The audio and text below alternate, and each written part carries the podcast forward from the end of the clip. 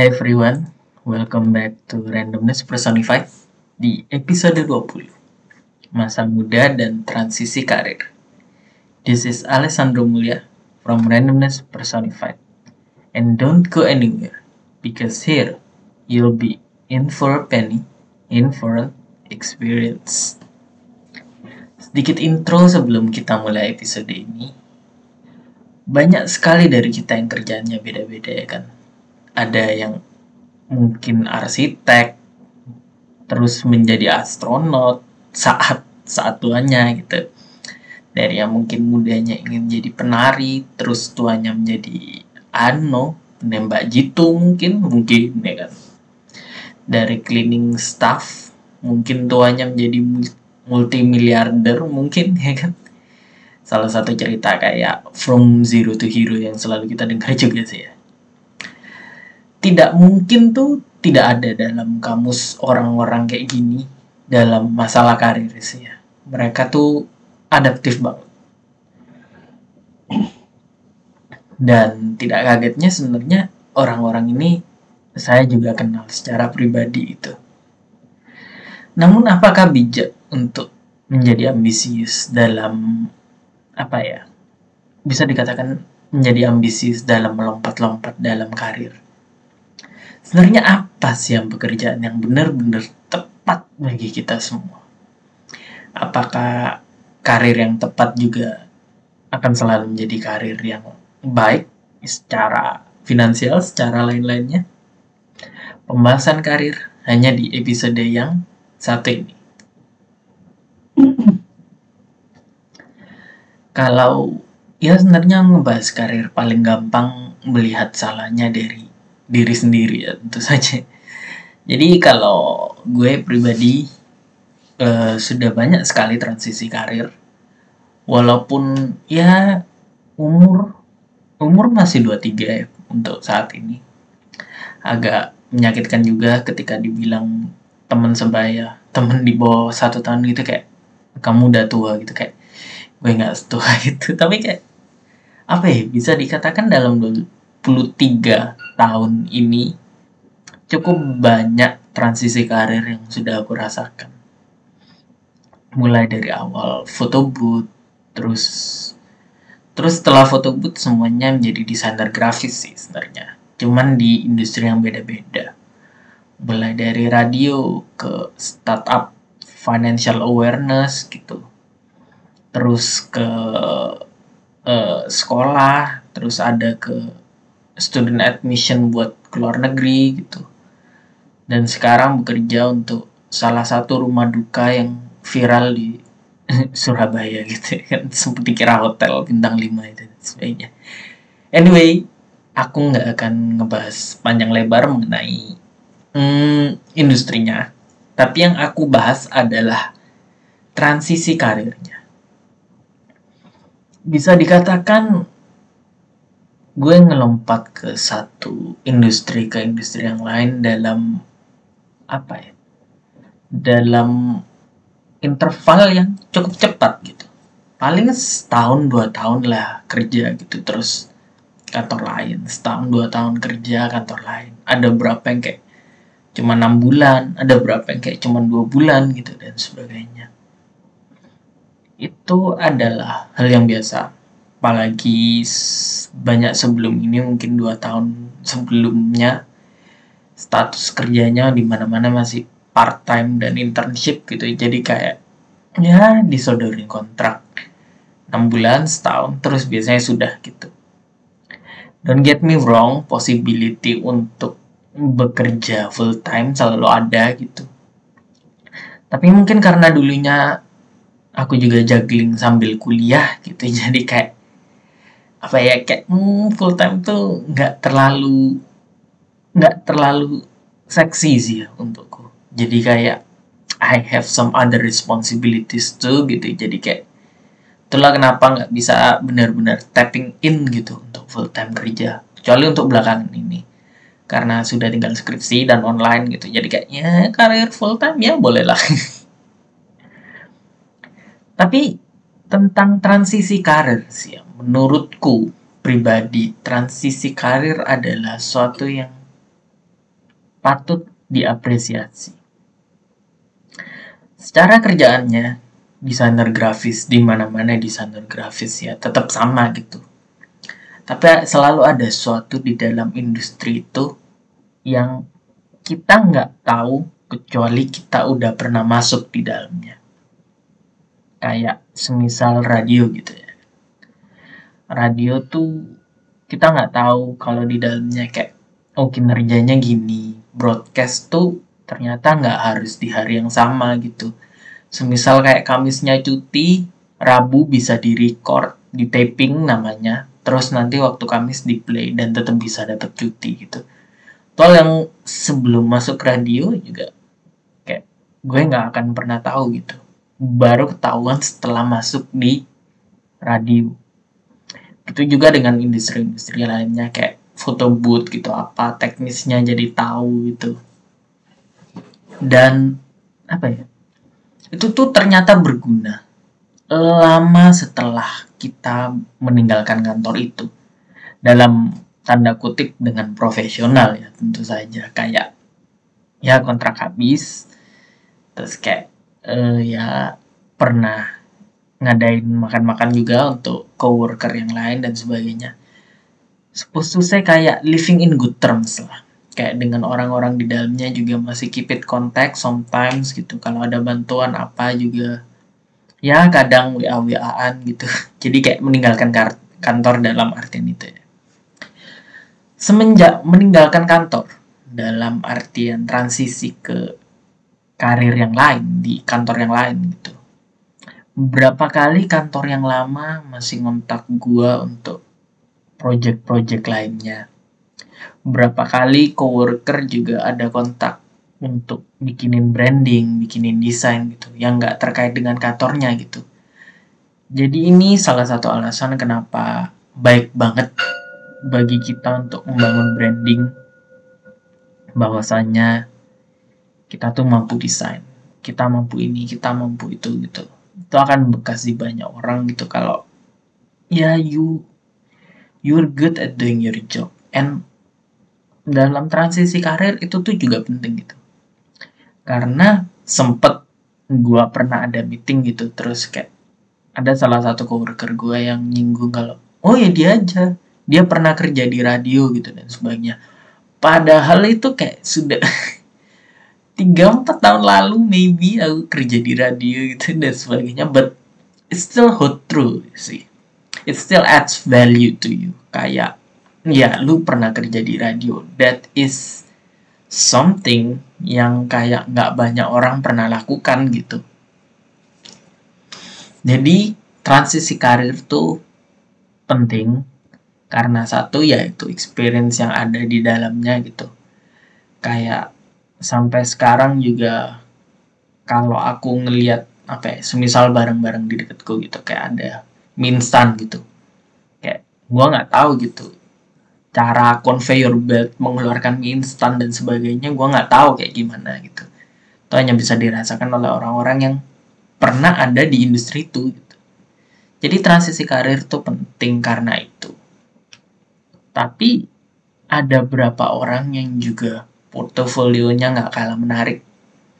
Kayak di kantorku ada berapa orang yang kayak sudah 15-20 tahun berada di industri ini. Ini juga keren gitu kayak transisi karirnya nggak sebanyak yang mungkin aku rasakan bahkan dalam lima tahun terakhir gitu. Tapi what these guys have adalah nggak cuma loyalitas mereka tahu sebuah industri dari ujung kepala sampai ujung kaki gitu.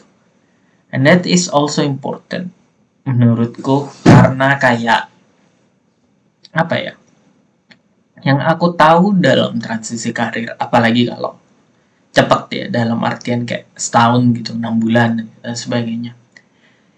What I know were only tidbits kayak important process of the uh, industry ya kan? Kayak kayak semisal yang radio tadi taping ya kan? Kayak aku tahu karena itu menarik gitu. Tapi tentang hal-hal yang jauh lebih teknis hal-hal yang harus dilakukan hal-hal yang buat industri ini tetap berjalan dari sisi apa pun itu jujur gue nggak tahu gitu.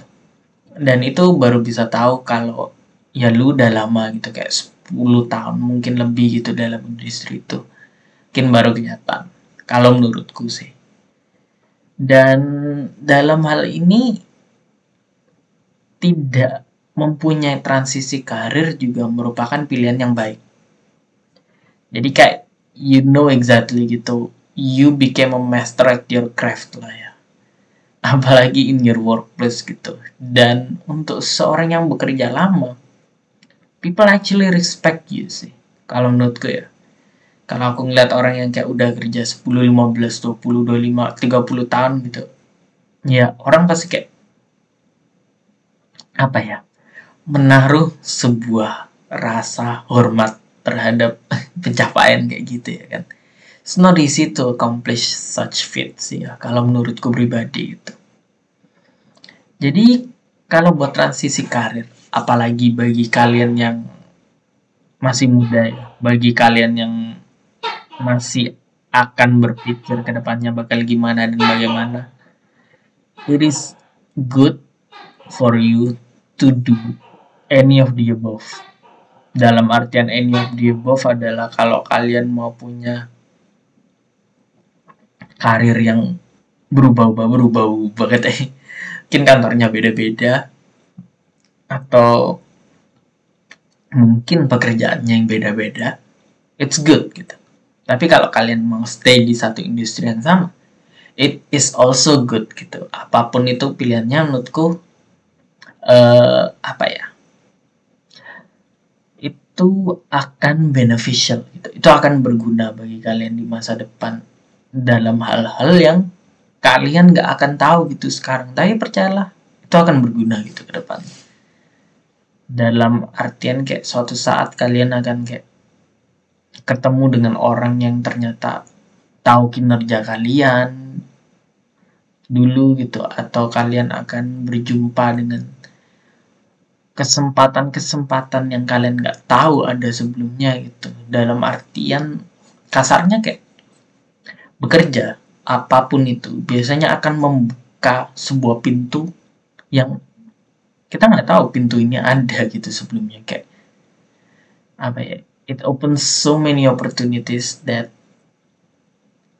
I couldn't even fathom to begin with. Itulah kenapa kayak aku sulit banget cari kata-kata karena ya memang kayak hal-hal kayak gini nih contohnya rada sulit sih ya untuk digambarkan secara gamblang. Kayak aku nggak bisa ngomong uh, keuntungannya apa dalam sisi yang bisa deskriptif kayak gitu tapi ada keuntungannya itu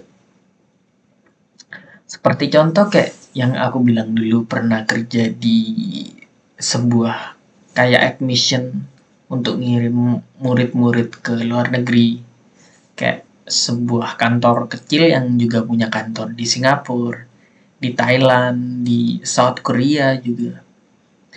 Jadi aku di kantor itu nggak lama, mungkin 6-7 bulan gitu.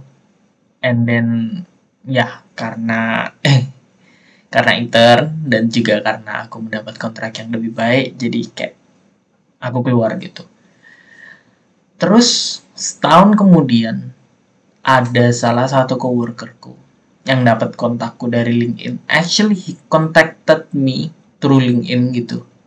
Minta nomor WA buat ketemuan gitu dan sebagainya. Ternyata dia ingin membuat sebuah usaha kecil. Dia mau bikin kopi gitu atau apa gitu. Pokoknya minuman beverage berbagai macam varian rasa. Dan dia kontak aku bilang kalau kita butuh branding di sini kita butuh desain untuk minumannya sebelumnya brandingnya dikerjakan oleh orang yang kurang paham kaidah estetika desain gitu dan kayak dia membutuhkan bantuanku gitu. Jadi kayak ya itu salah satu keuntungan yang aku bilang. Aku sebelumnya nggak akan tahu kalau dia mau buka kopi dan sebagainya gitu. Tapi kalau kita punya koneksi yang tepat gitu, kita bertemu dengan orang-orang yang tahu kinerja kita kayak apa. someday somehow gitu in some time gitu pasti akan kelihatan buah-buah kerja kerasnya itu. Dan whether it's through karir yang selalu bertransisi atau kalian tetap konsisten di satu tempat yang sama project-project gitu pasti juga akan bermunculan. Dan nggak cuman dalam artian apa ya? Nggak selalu dalam artian kalian akan dapat dari orang lain secara mouth to mouth gitu dan sebagainya.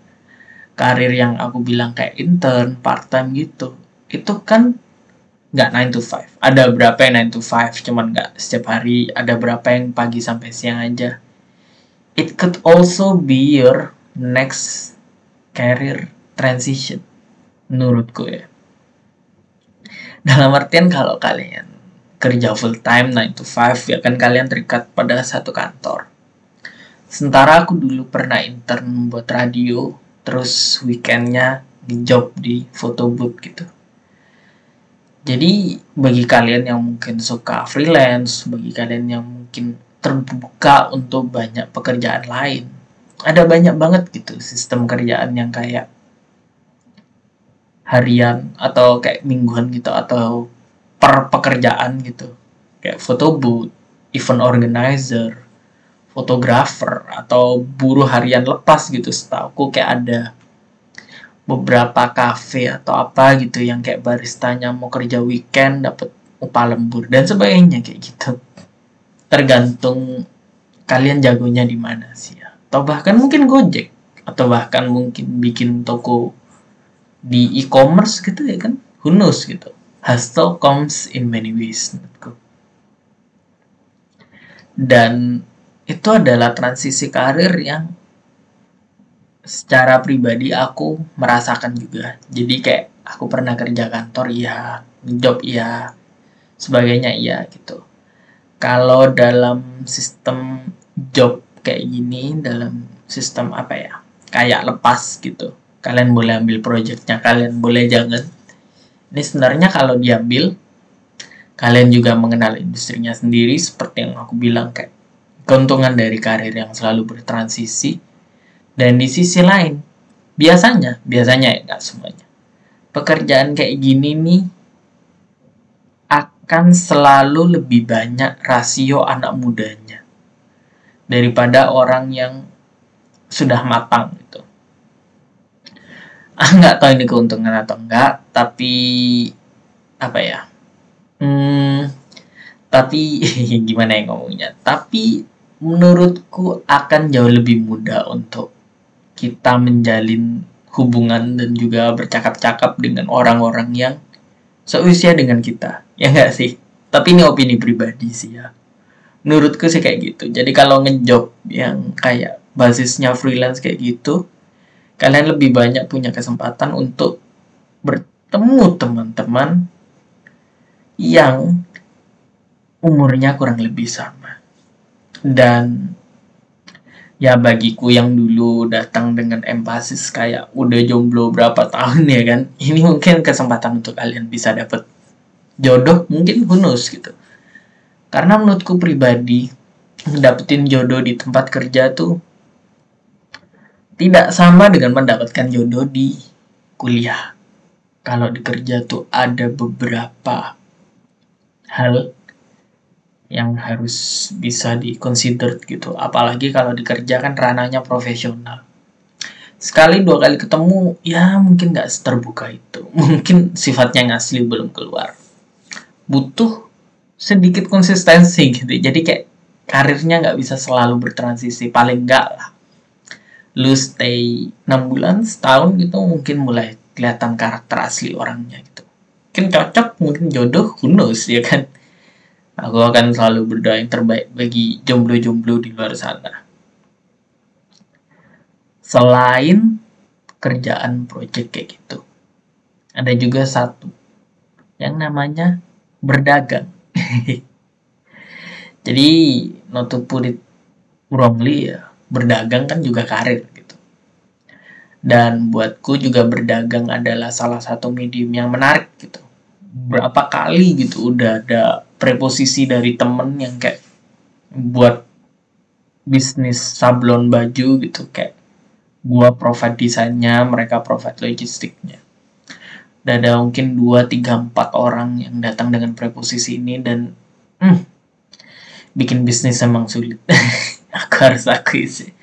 Bikin bisnis emang sulit. Ada berapa kali usahaku yang nggak jauh-jauh dari bidang kreatif dalam bidang bisnis ini yang kayak nggak semuanya selalu berjalan dengan lancar. Mulai dari yang pertama membuat studio kreatif, lalu juga yaitu usaha kayak joinan bikin sablon baju. Terus sekarang juga mencoba mengorganisir podcast network gitu. Yang nggak cuman aku juga ada teman-temanku juga yang dengan podcast-podcast lainnya membahas topik lainnya gitu. Itu aja membutuhkan waktu yang benar-benar banyak gitu. butuh komitmen butuh konsistensi juga. Jadi kalau berdagang adalah salah satu karir yang nggak bisa semudah itu bertransisi apalagi kalau udah tanam modal di dalamnya. Tapi berdagang juga provide something apalagi buat kalian yang kayak kalau aku kalau eh apalagi juga kalau buat kalian yang seperti aku yang juga selain ngantor juga memikirkan untuk berbisnis sendiri gitu kecil-kecilan paling enggak why not ya kan? Jadi kalau untuk podcast network ini sejauh ini sejauh ini berjalan cukup lancar walaupun tanpa advertising dan sebagainya gitu. Karena ya satu dikerjakan sendiri juga kayak kita bukan korporat. Basisnya adalah teman-teman yang sama-sama mau berusaha jadi kenapa enggak gitu. Dan juga mungkin karena saya dan teman-teman saya juga kerja kantoran gitu. Jadi kayak nggak bisa tiap hari nggak bisa benar-benar full commit di sini. Tapi ya selalu ada keringat di dalamnya ya kan selalu ada kerja keras kalau karir dalam bidang berdagang menurutku itu offers insight juga. Ada beberapa hal yang kayak bisa lu bawa ke dunia kerja especially kayak yang semisal managing network podcast ini ya kan. Kayak bikin desainnya bikin logonya bikin apa itu adalah suatu apa ya knowledge yang kayak tadi aku bilang kebaikan kalau banyak transisi karir kayak ke depannya kita tuh nggak tahu kayak ini nih akan digunakan untuk apa. Tapi ini pasti digunakan gitu cuman ya kayak aku nggak tahu untuk apa. But as long as you're working hard sih ya menurutku there is always something that you can pick from it. Either knowledge wisdom virtue who knows gitu. Tapi nggak ada sesuatu yang benar-benar sia-sia sih menurutku. And enough about all that gitu. Jadi misal kayak karir kalian mau bertransisi atau konsisten atau kalian sistemnya mau ambil banyak job atau kalian mau berdagang menurutku insight-nya adalah Karir adalah pilihan hidup. More often than not, kita yang bakal tentuin trajektorinya. Trajektorinya tuh kayak arahnya ke mana, langkahnya ke mana. Tipikal-tipikal pertanyaan yang kayak dalam lima tahun kita ngelihat kita di mana gitu dan sebagainya. It helps to know kayak lu maunya gimana, lo maunya karir yang seperti apa apa mau ngantor dulu atau mau langsung berdagang atau mau kuliah sambil cek-cek ombak gitu kalian yang paling tahu. Dan satu orang tuh nggak akan sama dengan orang lain gitu. Jadi semisal kalian berdagang dan punya temen yang kerja kantoran support dia gitu. Dan sebaliknya kalau kalian kantoran punya temen berdagang support juga beli produknya atau apa mungkin gitu dan sebagainya. Karena satu hal yang penting dalam karir juga bagaimana kita membuat koneksi gitu. Yang nggak semata kapitalis tapi kayak mungkin teman-teman yang siap membantu apabila membutuhkan. Itu pun lebih berharga daripada uang sih menurutku. Dan karir is a long term effect gitu. Kita nggak pernah tahu kita bakal ngebutuhin siapa ke depannya gitu. Jadi tetap stick pada prinsip lama seribu teman tidak cukup satu musuh terlalu banyak gitu. Kayak aku inget itu karena itu kayak salah satu sampul yang dari kertas minyak gitu yang dulu SD yang harus dipakai itu kayak sampul dari kertas minyak. Waduh ya Tuhan. Jadi kelihatan seberapa tuanya sih dan lakukan apa pun itu dalam karir kalian yang ngebuat kalian bahagia. Entah kalian mungkin ambisius gitu kayak, oh aku harus ngejar karir ini, aku pengen banget masuk di industri ini. Ya you do you gitu. Kayak kalau kalian berusaha, pasti ada jalannya, pasti ada caranya. Mungkin nggak kelihatan sekarang juga, tapi kalau kalian berusaha gitu, kalian akan mengingat hari-hari di mana kalian berusaha keras gitu dan kalian akan bersyukur pada diri sendiri gitu.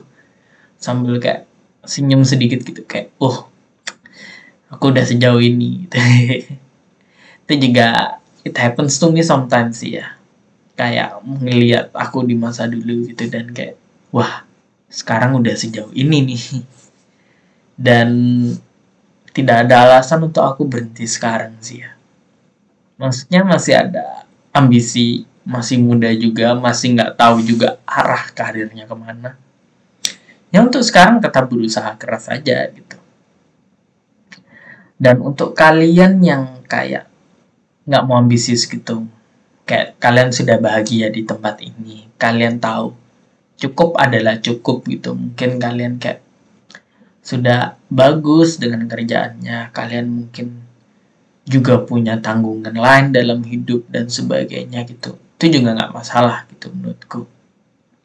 Lebih tepatnya adalah kayak apa ya menimbang karir tuh kalian yang bisa tentuin sendiri.